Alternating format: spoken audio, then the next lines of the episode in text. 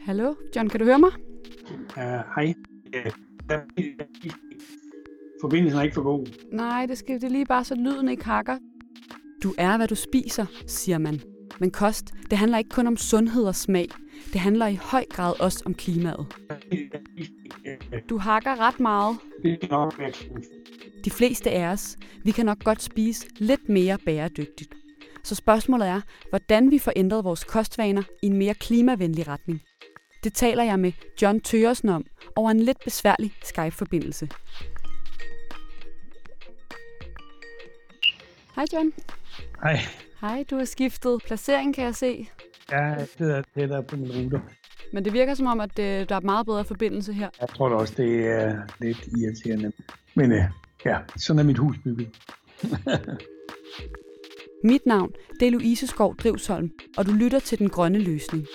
Men lige inden vi går i gang, vil du så ikke bare lige først i en sætning bare sige, hvad du hedder? Jeg hedder John Tøresen. Perfekt. Og hvis du så lige vil fortælle lidt om, hvad du øh, arbejder med?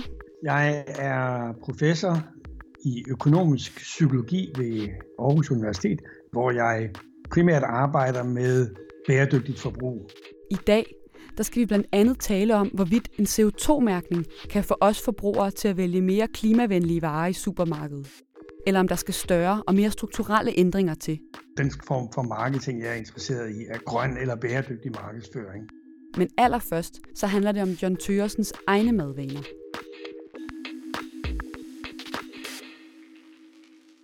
John, så er jeg bare simpelthen nødt til lige at spørge dig. Når du selv handler ind, køber du så røde bøffer? Nej, det køber jeg aldrig. Det køber altså, du aldrig? nej, nej altså, jeg, jeg, øh, jeg har for en 6-7 år siden lavet, givet et, et klimaløfte til en stor gruppe studerende, som jeg holdt foredrag for, at jeg øh, fra dag af ikke længere køber kød fra drøvtykkere. Så jeg køber ikke øh, oksekød og lammekød. Men jeg spiser det, hvis det bliver serveret for mig. Jeg er ikke en besværlig gæst. Det synes jeg lyder som et øh, pragmatisk godt sted at starte. John, hvis vi nu skulle starte sådan med at blive lidt konkrete, altså hvad er så den optimale klimadiæt? Det er godt nok konkret at spørge om, hvad, der, hvad den optimale klimadiæt er, men det er ikke så nemt at svare på, øh, som man måske skulle tro. Øh, det er meget lettere at svare på, hvordan den normale diæt kan ændres i en mere optimal retning. Men det man kan sige med sikkerhed, det er, at hvis man ser på den gennemsnitlige danskers diæt, så er den hverken sund eller klimavenlig. Der er rigtig mange øh, ernæringseksperter, som er enige om, har skaffet bunkevis af evidens for, at det er muligt at ændre den gennemsnitlige diæt her i landet i en retning, som vil både være til fordel for den enkelte i form af sundhed, og også være til fordel for den fællesskabet i form af, at det er mindre klimabelastende end den gængse diæt er nu. Der er selvfølgelig en masse grunde til, at det ikke bare lige sker. Man skulle synes, at det er en no-brainer, når det nu er sådan. Noget af det handler selvfølgelig om, at vi ikke kun spiser for at opretholde livet og for at være sunde men, øh, i det hele taget, men vi spiser også øh, af sociale grunde og for fornøjelsens skyld, så der er en række ekstra hensyn, som skal med, og som også er basalt menneskelige og derfor helt fair skal tages hensyn til. Men jeg vil våge den påstand, at selv hvis man tager både det sociale og det fornøjelige med, så er det stadigvæk muligt at øh, gøre diæten i Danmark væsentligt mere klimavenlig, uden at det på nogen måder øh, gør den mindre sund, eller gør den mindre fornøjelig eller social. Mm. Og det er jo netop det, vi skal snakke om i dag, hvordan man måske kunne gøre det her. Men først skulle vi måske lige slå fast, øhm, altså hvorfor er det, sådan, den korte version, hvorfor er det afgørende for klimaet, hvad vi spiser? Øh, det vi spiser, øh, og det vil sige fødevarer, forbrug, er på global plan et af de områder, som bidrager mest til klimabelastningen. Man regner i runde tal med, at det er omkring 30 procent af klimabelastningen øh, fra menneskelig adfærd, der kommer fra fødevarer, og det vil sige, det er fra produktion, distribution og konsum og bortskaffelse af fødevarer. Så det er en meget stor klump. Det er en af de allerstørste klumper i menneskelig aktivitet, når vi taler om klimaet. Øh, og det er klart, at det gør jo, det er jo vældig interessant øh, set i et klimaperspektiv, øh, hvordan vi producerer vores fødevarer, hvordan vi distribuerer dem, og hvilke fødevarer vi så øh, ernærer os ved.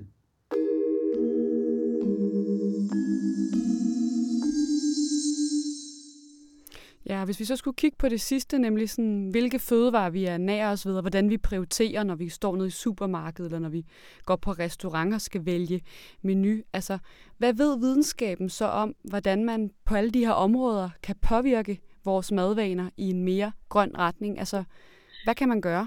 Ja, hvad ved man?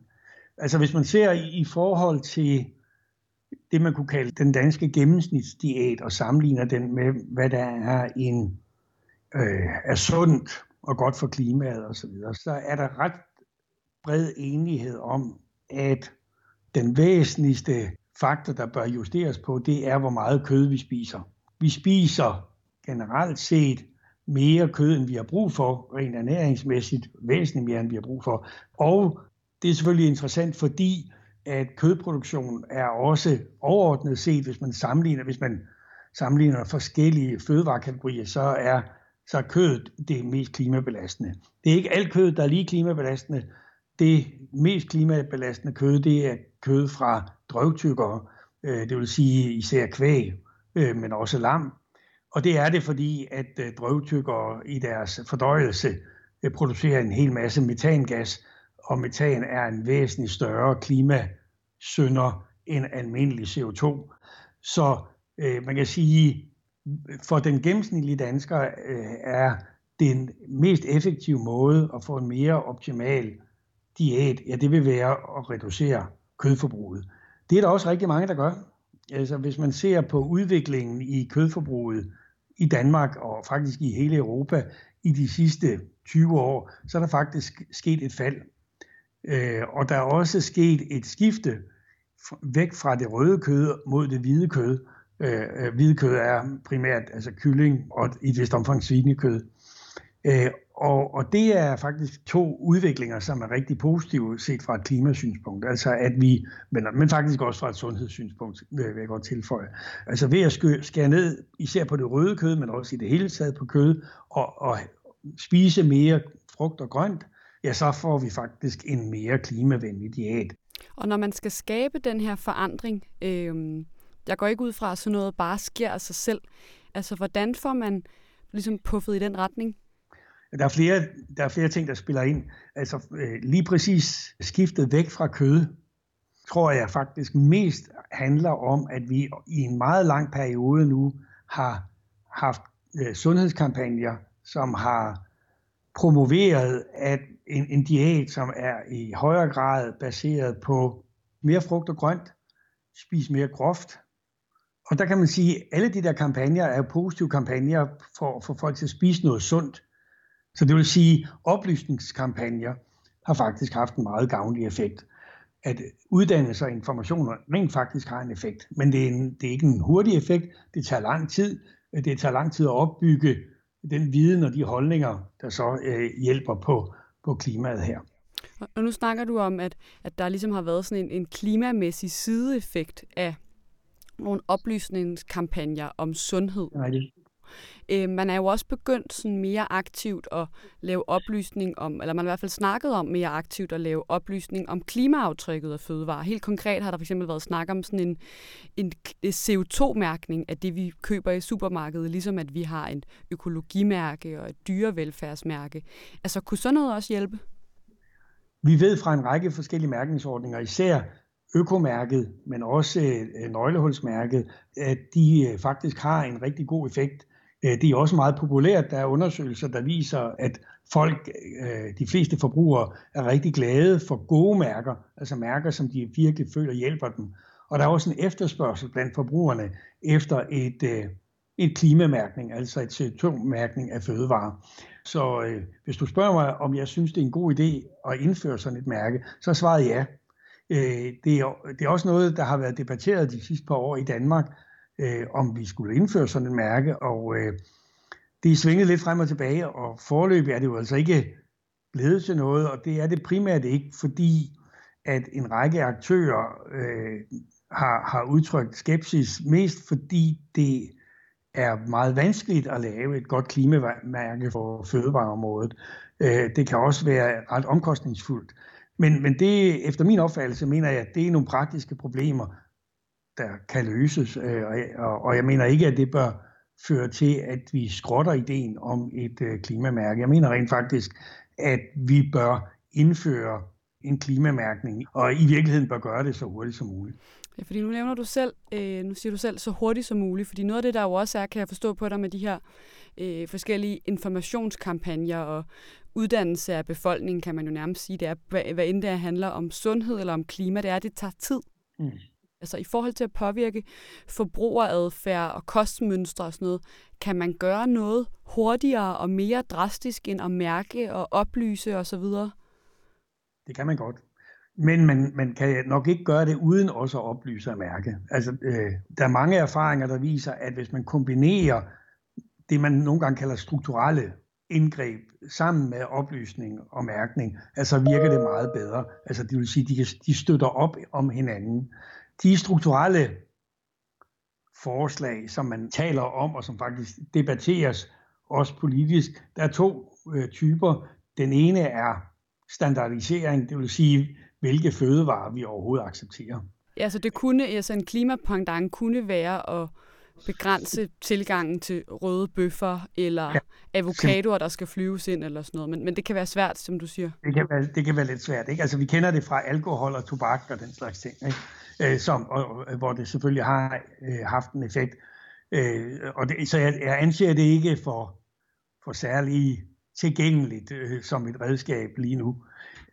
Den anden strukturelle tiltag, det er at forsøge at regulere på priserne, sørge for, at priserne i højere grad afspejler miljøbelastningen af fødevarene. Det er der faktisk øh, en del øh, folk, der også nu er mere åbne for, øh, både Klimarådets rapport, øh, som talte om CO2-afgift, også for, for landbruget, men også Klimapartnerskabet for Fødevare har også været inde på, at man også godt kan bruge prisinstrumenter.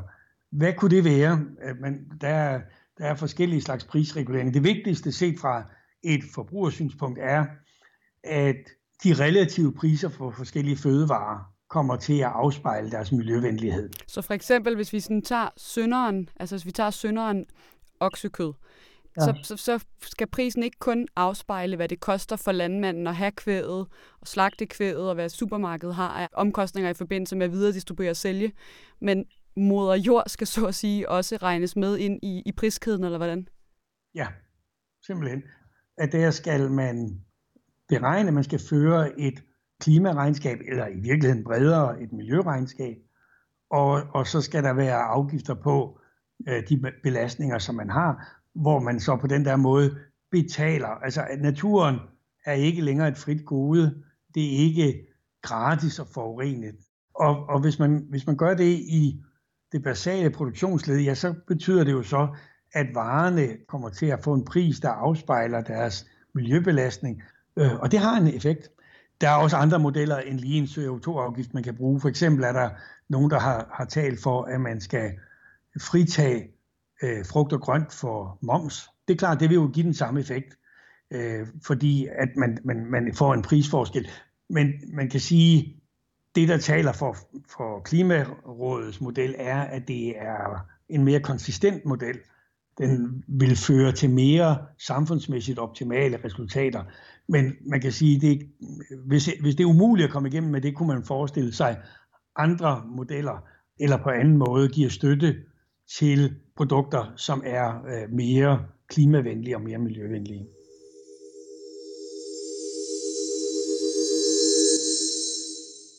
Nu nævner du sådan forskellige løsninger i forhold til at gøre vores allesammens kostpyramide mere grøn, og de er jo sådan ligesom på forskellige niveauer. Altså sådan, hvis man skulle se på det, det her forskellige sådan kataloger i, hvad man kan gøre, altså hvor skal forandringen så primært komme fra? Skal det være dig og mig, der handler ind på en anden måde, eller skal det være fra politisk side, enten nationalt eller globalt, at man siger, at vi er nødt til at indrette hele den måde, vi spiser på anderledes? Jeg mener helt klart, at det nødvendigvis må være fra politisk hold. Forbrugerne individuelt øh, kan ikke gøre nok. Og der er også en række trægheder, kan man sige, i forbruget, som gør, at det vil gå for langsomt. Men, men det er vigtigt at, tage med, at man kan ikke lave den slags politiske reguleringer, som, som vi også øh, taler om nu, hvor, altså med at prøve at få i det hele taget et mere klimavenligt landbrug og fødevaresystem. Man kan ikke gøre den slags ændringer politisk, uden at have befolkningen med sig. Det vi som, som borgere og forbrugere skal gøre, det er, at vi skal støtte op. Det er endnu bedre også at lægge pres, selvfølgelig. Altså øh, stor respekt for, for de, som øh, fra forskellige vinkler forsøger på at blande sig i den politiske debat og presse udviklingen. Øh, men, men det er klart, det vil altid være en mindre gruppe, der har det overskud, øh, mens øh, der er behov for, at et flertal af befolkningen faktisk accepterer, at det er sådan, det er. Og for at kunne gøre det, altså for at skabe den forståelse, ja, øh, så, så har vi brug for den, den offentlige debat. Vi har også brug for den oplysning, de oplysningskampagner, som vi talte om før, som også promoverer en mere klimavenlig og mere miljøvenlig diæt og skaber forståelse for betydningen af den her mere miljøvenlige diæt, og, og også gerne så skubber i den der retning. Øh, men samtidig gør det på en måde, hvor man har befolkningen med. Og det er der, hvor man kan sige, øh, oplysningskampagner støtter op om, at man laver øh, strukturelle indgreb, fordi de er med til at skabe forståelse for det. Og mærkningsordninger hjælper folk til at spille med på den her dagsorden, fordi de får redskaberne til det. Hvis, hvis klimaet simpelthen ikke er fremtrædende, når vi går og handler ind, ja, så får det heller ikke en fremtrædende placering i vores valg.